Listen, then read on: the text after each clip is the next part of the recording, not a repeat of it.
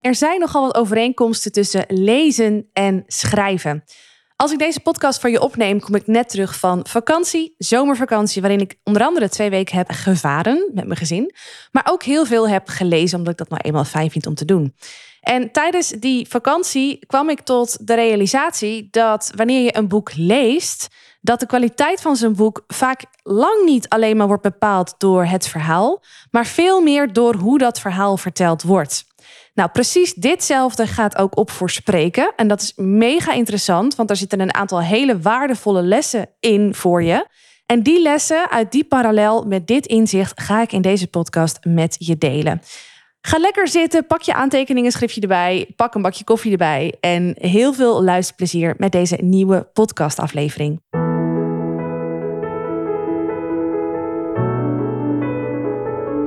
Mijn naam is Marije Wielenga. Wil jij jouw ondernemersverhaal delen als spreker, zodat jouw bedrijf nog veel meer aandacht krijgt? Dan is deze podcast Stralen Presenteren voor jou. Als Nederlands kampioen in speechen daag ik jou uit om grootse ambities waar te maken. Door het goud uit jouw ondernemersverhaal te delen op precies die plekken waar voor jou en je bedrijf grote kansen liggen. Blijf luisteren om te leren hoe. Het is eh, bij verre niet de eerste keer dat ik een prachtige parallel ontdek tussen de schrijfwereld en de spreekwereld. En dan bedoel ik schrijven als in iemand schrijft iets en een ander leest dat. En de spreekwereld als in iemand bereidt de prestatie voor en geeft die. En een ander luistert daarnaar als toehoorder. Als ondernemer ben ik natuurlijk ook veel aan het schrijven, veel content aan het schrijven naast de podcast die ik uh, maak voor jou. En dat schrijven is al een vaardigheid op zich. Wat ik op zich al heel leuk vind om te doen. En graag ook meer over lees. En iemand die ik daar uh, ja, ook veel voor volg. En die daar ook hele waardevolle tips in geeft, is Lotte van den Broek. En een van de parallellen, of heel, vaak als het gaat over die parallellen. Die ontdek ik ook vaak als ik Lotte haar teksten zie. Of als ik Lotte spreek, want ik ken haar ook persoonlijk. En de grap is dan ook dat we eigenlijk allebei hetzelfde vinden of eigenlijk allebei achter hetzelfde staan. Alleen dat zij zich heel erg focust in haar werk bij het coachen van mensen die dus vooral schrijven. En dat ik mij in mijn werk heel erg focus op het coachen van mensen die spreken. Nou, dus daar zit al een hele interessante parallel. Maar er is er nog eentje voor je die ik dus uitgebreid ga uitlichten in deze podcast-episode. Want toen ik op vakantie aan het lezen was en mijn zoveelste boek uit had, ik lees over het algemeen niet heel snel, maar tijdens vakantie door veel meer tijd natuurlijk veel sneller. Ik weet niet hoe het trouwens met jou zit, maar tijdens vakantie lees ik ook veel meer non-fictie, romans. En buiten de vakanties om zijn het ook over het algemeen meer zelfhulpboeken. Die lezen voor mij sowieso al minder snel dan non-fictie. Dus daar zit ook wel uh, de reden in dat ik op vakantie veel sneller lees. Maar goed, dat terzijde. Wat ik me realiseerde na het zoveelste boek is dat de kwaliteit van een boek, zoals ik dat ervaar, vaak niet eens wordt bepaald door het verhaal, maar veel meer door de manier waarop dat verhaal verteld wordt. En ik wil daar even een aantal uh, voorbeelden in geven. Ik heb op vakantie een aantal boeken gelezen waarvan ik ook uitgelezen dus, hè, en met plezier uitgelezen, maar waarvan ik dan achteraf dacht, ja, dat verhaal is wel heel erg ver weg van de werkelijkheid. Of het is wel heel, ja, niet goed uitgedacht als in niet reëel dat het zo zou lopen. Of, of dat dat net precies op dat moment gebeurde, die mensen elkaar tegenkwamen. Die persoon niet alleen dat had, maar ook nog dat had. Oké, een specifiek voorbeeld is hierin wat lastig, maar conclusie is wel dat ik aan het einde van het boek kon concluderen van hé, hey, ik vond het een fijn verhaal om te lezen. En tegelijkertijd als ik kijk inhoudelijk naar het verhaal, denk ik nee, er zijn betere boeken. Goed om te weten is dat ik dus het boek uit heb gelezen, plezier heb gehad in het lezen en het zelfs een ander nog wel aan zou raden, maar toch op het verhaal inhoudelijk wel ja, wat bedenkingen heb of wat kritische noten heb, omdat dat voor mijn gevoel toch niet helemaal matcht. En dat kan natuurlijk, hè, smaken verschillen. Maar goed, ik heb het boek dus wel uitgelezen. Andersom is het me ook voorgekomen dat ik. Uh, ik heb een e-reader en ik heb op de e-reader een aantal boeken staan die ik ook heb gekregen van een buurman. Dus dat zijn niet boeken die ik zelf heb uitgezocht. En iedere keer als ik er een open, is het toch weer een verrassing wat voor soort verhaal erachter wegkomt. En een van die boeken werd onwijs goed aangeprezen. Ik kende het niet. Uh, ik zag ook op de eerste bladzijde een aantal uh, recensies en een aantal quotes uh, van, van belangrijke mensen uit belangrijke tijdschriften en zo. En die klonken dan heel veelbelovend. Maar er was dus ook een boek waarbij dit het geval was. Waarbij ik gewoon echt niet door bladzijde 20 of 30 heen kwam en het ook weg heb gelegd. Nou moet je weten, meestal geef ik een boek 50 pagina's de kans. Dat is wat ik vroeger van mijn docenten Nederlands heb geleerd. En toch, ik haalde die 50 pagina's niet. En dat had alles te maken met de schrijfstijl. Deze persoon was heel goed in het, ja, hoe zeg ik dat? Uitgebreid verwoorden van iets, haast op een poëtische wijze. Maar in plaats van dat ik dat kon lezen en dacht, wauw, dacht ik, jeetje, wat duurt dit allemaal lang? Hier heb ik helemaal geen zin in. En ik ben ook de draad kwijt. Het kost me veel te veel energie. Daarom heb ik het bij bladzijde 20 weggelegd. Dit lag niet per se aan het verhaal. Ik heb het verhaal dan ook weinig kans gegeven. Wellicht als ik het langer de tijd zou geven, dat het verhaal me toch de moeite waard maakt om het alsnog uit te gaan lezen. Maar het had alles te maken met de schrijfstijl. Ik kan met deze twee voorbeelden van het slechte of wat minder goede verhaal wat ik toch uitlas en het goede verhaal wat ik niet uitlas, concluderen voor mezelf dat de kwaliteit van een boek zoals ik dat zie, lang niet, of nou vaak te maken heeft veel meer met hoe een verhaal wordt verteld en niet per se met inhoudelijk het verhaal zelf. Dus het verhaal zelf is niet het meest belangrijke wat bepaalt of een boek succesvol is. En dat is er één om voor nu te onthouden. Want nu komt de parallel met mijn eigen vak als sprekerscoach en als presentatie-expert. Ditzelfde gaat op voor presentaties. Er zijn zo verschrikkelijk veel mensen die, nou ja, als je, dat, als je ze heel eerlijk bekijkt, niet de beste in hun vak zijn, niet het meest uh, spannende verhaal hebben, niet de meest interessante CV hebben of de meest bijzondere dingen hebben meegemaakt in een leven, die toch in staat zijn om een kei goede presentatie neer te zetten. Zo'n presentatie waarbij mensen aan hun lippen hangen of waarbij mensen denken: wauw, wat een, wat een goed verhaal. Andersom geldt het ook. Er zijn ook zoveel mensen met een hele bijzondere levenservaring, met enorm veel kennis over een bepaald onderwerp, met nou, bijzondere dingen die ze hebben meegemaakt gewoon in hun leven, uitzonderlijke dingen die niet vaak voorkomen, die niet in staat zijn om hier goed over te kunnen vertellen, om de aandacht erbij vast te houden. Die zijn er ook. En ik denk als je nu even bij jezelf nagaat van wie jij hierin kent, dan ken je ze ongetwijfeld. Ik zeg dit niet om die mensen te niet te doen. Ik zeg dit omdat het gewoon een feit is. Het is een vak op zich, of het is een, een, een vaardigheid op zich om een goed verhaal te kunnen vertellen. Dus dit staat helemaal los van mijn waardering van mensen aan zich. Dit gaat puur om de vaardigheid om een verhaal goed te kunnen vertellen. Dus net als bij boeken is het zo dat uh, bij presentaties de kwaliteit van de presentatie vaak niet afhangt van de kwaliteit van het verhaal, maar dat de kwaliteit van de presentatie vooral afhangt van de manier waarop een verhaal verteld wordt. Ik wil daar nog even twee makkelijke, uh, laagdrempelige voorbeelden bij geven. Als je een mop vertelt en je begint met de clue, dan is het helemaal niet meer leuk om naar die mop te luisteren. Dat heeft dus alles te maken met de manier waarop je die mop vertelt heeft niks te maken met de kwaliteit van de mop zelf. Want die kan supergoed zijn als je hem op de juiste manier vertelt.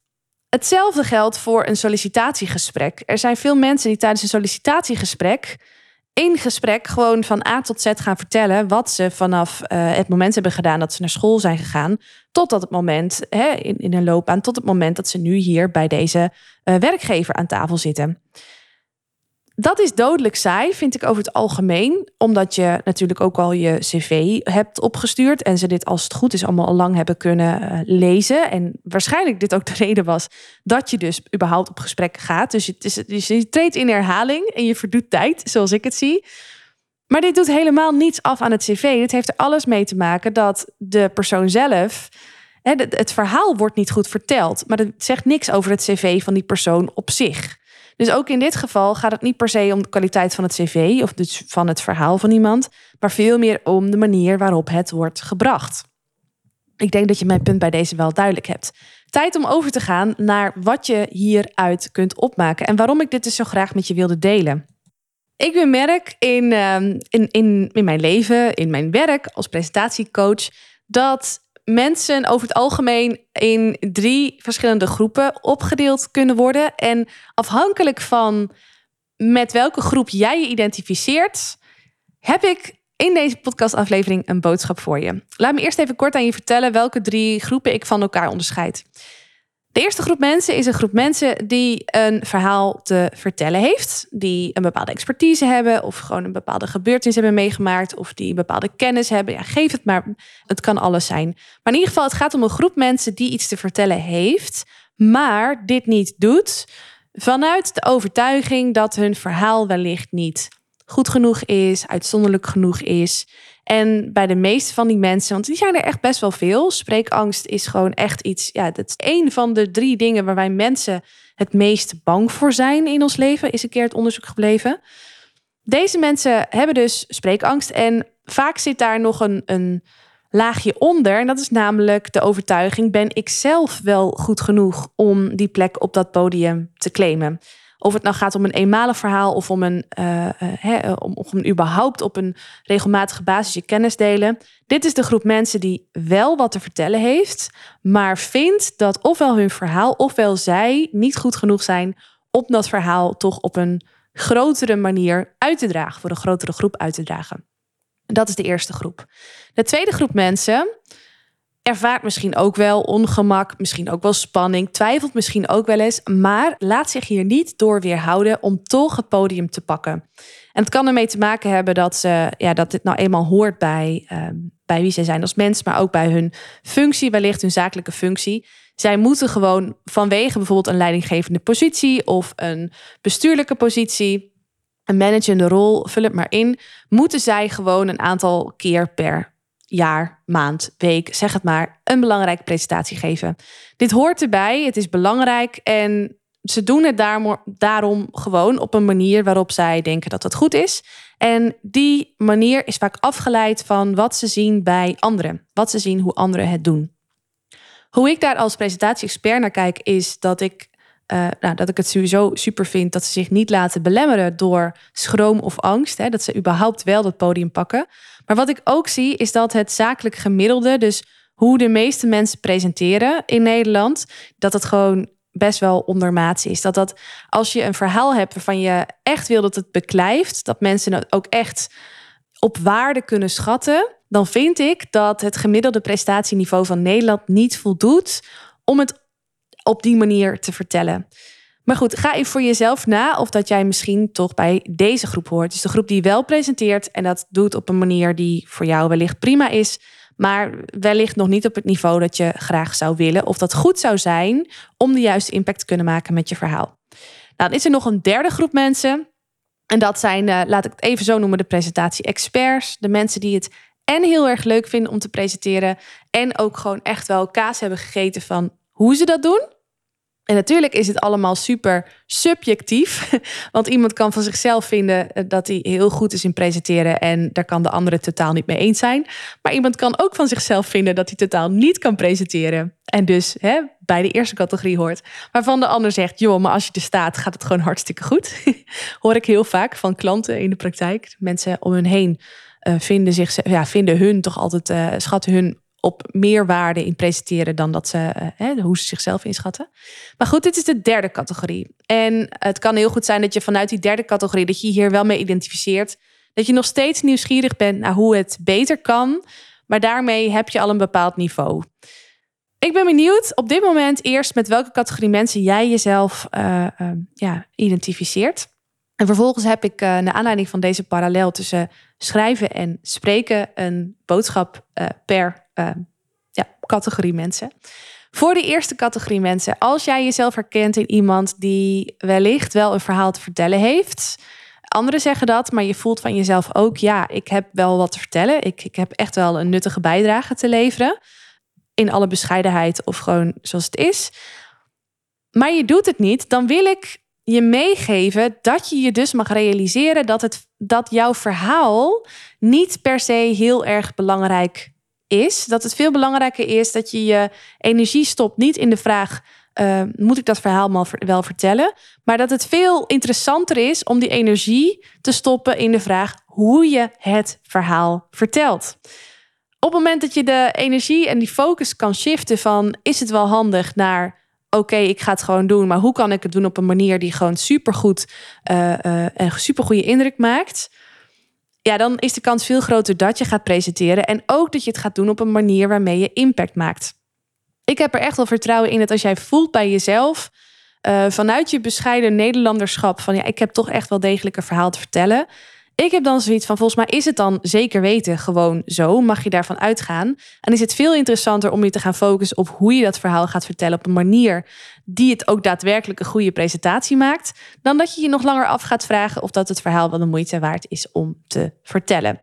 Want nogmaals, al zou je verhaal niet het aller, aller, aller, aller, allerbeste verhaal zijn, dan kun je het nog vertellen op een manier waarmee je enorm veel levens kunt verrijken of enorm veel waarde kunt toevoegen. Even afhankelijk van het soort presentatie wat je geeft. Dus behoor je bij de eerste categorie en voel je al langer, ja, ik heb een verhaal, maar ik blijf twijfelen of het goed genoeg is en daarom vertel ik het niet. Alsjeblieft, probeer die twijfel nu gewoon eens opzij te leggen en ga je verdiepen in hoe je dat het beste kan doen. Want dan ga je er, is de kans groter dat je er staat en is de kans ook veel groter dat je er succesvol mee bent. Niet alleen voor jezelf, maar ook voor de mensen die het verhaal horen. Later ga ik even wat tips geven over hoe je dat kan doen, want daar heb ik uh, al heel veel over verteld. En ik zal eens even een verwijzing maken naar de podcast uh, die je kunt gebruiken om dus je verhaal uh, goed in te gaan kleden. Voor de tweede categorie mensen die zich erin herkennen dat ze um, eventuele schroom, dat dat ze niet tegenhoudt om toch een verhaal te vertellen. Dit zijn over het algemeen de mensen die dus vanuit hun beroep al vaak presentaties uh, geven. Soms tegen wil en dank en soms gewoon al heel bewust. Ga voor jezelf eens na of dat je dit doet puur vanuit het moetje en eigenlijk maar gewoon een beetje doet wat iedereen doet. Ben je als mens niet minder om. Of dat je het echt heel bewust op een bepaalde manier doet, waarbij je weet, ah, ik weet dat ik echt boven dat gemiddelde zit. Ook als een boodschap niet per se super inspirerend is, omdat je nou eenmaal geen keynote spreker bent en je als manager of als directeur of als founder of als bestuurder, zeg het maar, gewoon een belangrijke boodschap te vertellen hebt. Niet per se sexy, maar wel nodig. Weet dan dat je ook zo'n zakelijke boodschap op een manier in kunt kleden dat mensen toch heel graag naar jou willen luisteren. En toch heel graag met jouw informatie uh, aan de slag gaan. Dat, dat je je toch op een bepaalde manier kunt roeren en inspireren. Als je blijft doen wat je altijd al deed, dan weet je één ding zeker, dan krijg je wat je altijd al kreeg. En als jij nu op dit moment het gevoel hebt van ja, weet je, ik, ik heb nou eenmaal vaak bepaalde boodschappen, verhalen die niet per se inhoudelijk super uh, ja, uh, florisant zijn, leuk zijn, inspirerend zijn, omdat het nou eenmaal zakelijke boodschappen zijn. Maar het is wel heel erg belangrijk dat mensen deze boodschap, deze informatie ter harte nemen. Zorg dan alsjeblieft dat je leert hoe je nog beter je verhaal kunt vormgeven. De hele parallel die ik noemde in de podcast gaat er dus over dat de kwaliteit van een presentatie niet wordt bepaald door de kwaliteit van het verhaal. Nou, dit is voor jou super interessant, want als jouw verhaal dan al niet het, het leukste sprookje is uh, wat er te vertellen valt, zorg dan in ieder geval dat de manier waarop je het vertelt wel super aantrekkelijk is, zodat die wat minder florissante boodschap wel binnenkomt en overkomt en mensen daar daadwerkelijk ook wat mee gaan doen. Nou, dit is wat ik doe met mijn klanten, voor mijn klanten. Dus als je dit hoort en voelt, ja, hmm, daar zit echt wel wat in. Ik kan er echt aan werken om te zorgen dat de manier waarop ik mijn verhaal vertel, dat dat veel beter wordt, zodat die wat minder leuke boodschap nou eenmaal wel binnenkomt en mensen ermee aan de slag gaan. Neem dan alsjeblieft contact met me op. Stuur me een berichtje, dan gaan we kennis maken, zodat ik je kan vertellen hoe ik jou kan helpen om hiervoor te zorgen. Om ervoor te zorgen dat je ook met die zakelijke boodschappen, die niet per se leuk zijn, wel de impact maakt die je wil maken, die nodig is voor het succes van je bedrijf, voor het succes van jullie klanten en wat jullie ook maar doen. Alsjeblieft, neem contact op, want daar help ik je heel graag bij. En ook voor jou, als dit nu nog een stap te ver is, ga ik later in deze podcast een aantal podcastafleveringen noemen. Waarmee je zelfstandig al bezig kunt gaan met het verbeteren van je boodschap. Al inspiratie hiervoor op kunt doen.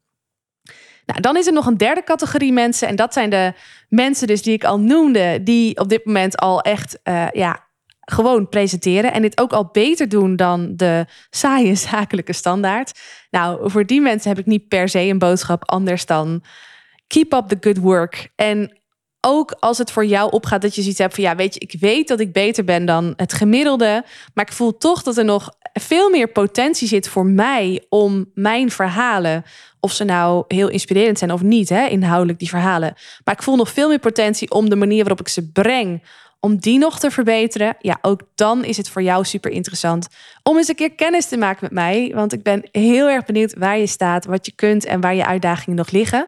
Uh, zodat ik met jou kan bepalen hoe ik jou kan helpen om ook dat hogere niveau te bereiken. En dus nog succesvoller te zijn in het vertellen van die boodschappen die je nu al vertelt. Uh, voor meer impact. Voor jezelf, voor je bedrijf, voor uiteindelijk de wereld.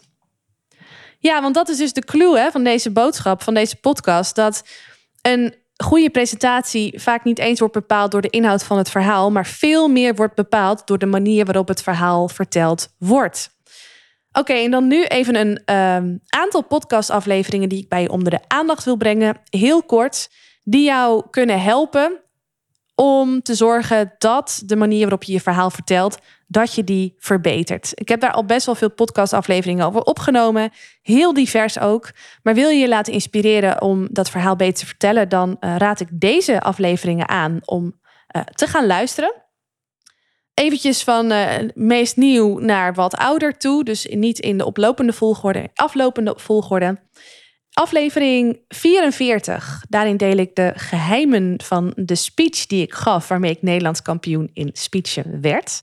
Nou, daarin ligt heel veel goud verborgen, wat je gaat helpen om te kijken van hé, hey, welke elementen zou ik wellicht toe kunnen passen om mijn boodschap beter in te kleden. Dan aflevering 37. Die gaat erom hoe je ervoor kunt zorgen dat je je boodschap zo impact dat je toehoorders, jouw luisteraars, jou nooit meer vergeten. Je wil een verhaal vertellen, een story that sticks op zijn Nederlands, dus een verhaal wat blijft plakken. Ik vertel je in aflevering 37 hoe je dat doet. In aflevering 36 deel ik met je wat ik zelf leerde van Guido Weijers. Guido Weijers is natuurlijk een beroepsspreker doet niet alleen maar cabaret, maar heeft ook, uh, geeft ook masterclasses in geluk in het theater. En die heeft een hele interessante podcast op, opgenomen met uh, Glenn Vergozen. Iemand met een, uh, met een podcast voor sprekers, waar ik ook een keer ben uitgenodigd. En van Guido Weijers heb ik een aantal dingen geleerd. En daar, die deel ik in die aflevering. Dus het is ook heel interessant om daar eens naar te luisteren. zodat ook jij je voordeel eruit kunt doen. Dan aflevering 34. En daarin vertel ik je een spreektroef. Een spreektroef, ja, mijn favoriete spreektroef, die ik heel graag gebruik als ik iets wil vertellen in een presentatie, waarvan ik echt zoiets heb ja, dit, dit moeten ze echt onthouden. Dit is een bepaald stappenplan of dit is een bepaalde volgorde. En het is echt van belang dat ze die volgorde onthouden. Nou, benieuwd hoe je dat doet, want dat is ook voor zakelijke presentaties vaak heel relevant. Beluister dan aflevering 34. Dan in aflevering 27 vertel ik je waarom het noodzakelijk is om onconventioneel te zijn. Niet alleen in je werk als mens of überhaupt als mens, hè, maar ook in je presentaties. Waarom je per se het anders moet willen doen dan de rest. Aflevering 19 gaat over hoe je kleding in kunt zetten als spreektroef. En dan heb ik het niet eens zozeer over wat moet je dragen uh, aan kleur stropdas om iemand, uh, weet ik veel, uh, over te halen iets te doen of iets niet te doen. Maar veel meer over hoe je kleding in kunt zetten om te zorgen dat mensen je verhaal beter onthouden, maar ook met meer aandacht naar jou blijven luisteren. In aflevering 18 deel ik hoe je stilte voor je kan laten werken. In aflevering 17 deel ik drie praktische stappen met je. En dat is vooral interessant voor die tweede categorie mensen. Waarin ik met je deel dus hoe je de saaie zakelijke standaard kunt ontstijgen. Want dat is best wel bedroevend, vind ik, vanuit mijn vakgebied, dat die, ja, dat die standaard van presenteren zo laag is. Aan de andere kant zit hier ook een voordeel aan voor jou als je vaak presentaties geeft eh, binnen zakelijk Nederland. Namelijk dat je al heel makkelijk die saaie zakelijke standaard kan ontstijgen. Nou, deze aflevering eh, geeft je drie tips om dat te doen. Aflevering 15 gaat over storytelling en waarom je dat zou moeten willen inzetten, maar ook wat belangrijke onderdelen zijn van storytelling, um, waarvan je voor jezelf kan checken van hey, voeg ik dat toe en zo niet. Laat ik dat eens toe gaan voegen voor meer impact met mijn verhaal. Aflevering 11 gaat erover hoeveel sprekers, en ik betrap mezelf daar ook nog wel eens op, onbewust luisteraars buitensluiten wanneer ze een presentatie geven. Waar moet je op letten om te zorgen dat iedereen zich aangesproken voelt? Aflevering 8 gaat, ja, zit vol tips over hoe je een online presentatie een upgrade geeft. Dus ook interessant als je veel webinars geeft of uh, ja, online presentaties geeft. Aflevering 6 gaat erover waarom je een presentatie niet moet willen uitschrijven. En ik geef je ook een aantal tips over een alternatief. En de laatste die ik bij je onder de aan wil brengen is aflevering 3. En die is interessant voor een heel specifiek soort speech. Namelijk hoe je een goede nieuwjaarspeech uh, opbouwt en geeft. Dat is hem, deze podcastaflevering voor vandaag. Belangrijkste inzicht is dus dat de kwaliteit van je presentatie uh, vooral wordt bepaald door de manier waarop je je verhaal vertelt. En niet zozeer door de kwaliteit van je verhaal zelf. En ik geef je een aantal tips over hoe je ervoor kan zorgen dat dat verhaal beter wordt. Ik wens je een hele fijne dag toe en heel graag tot de volgende podcastaflevering.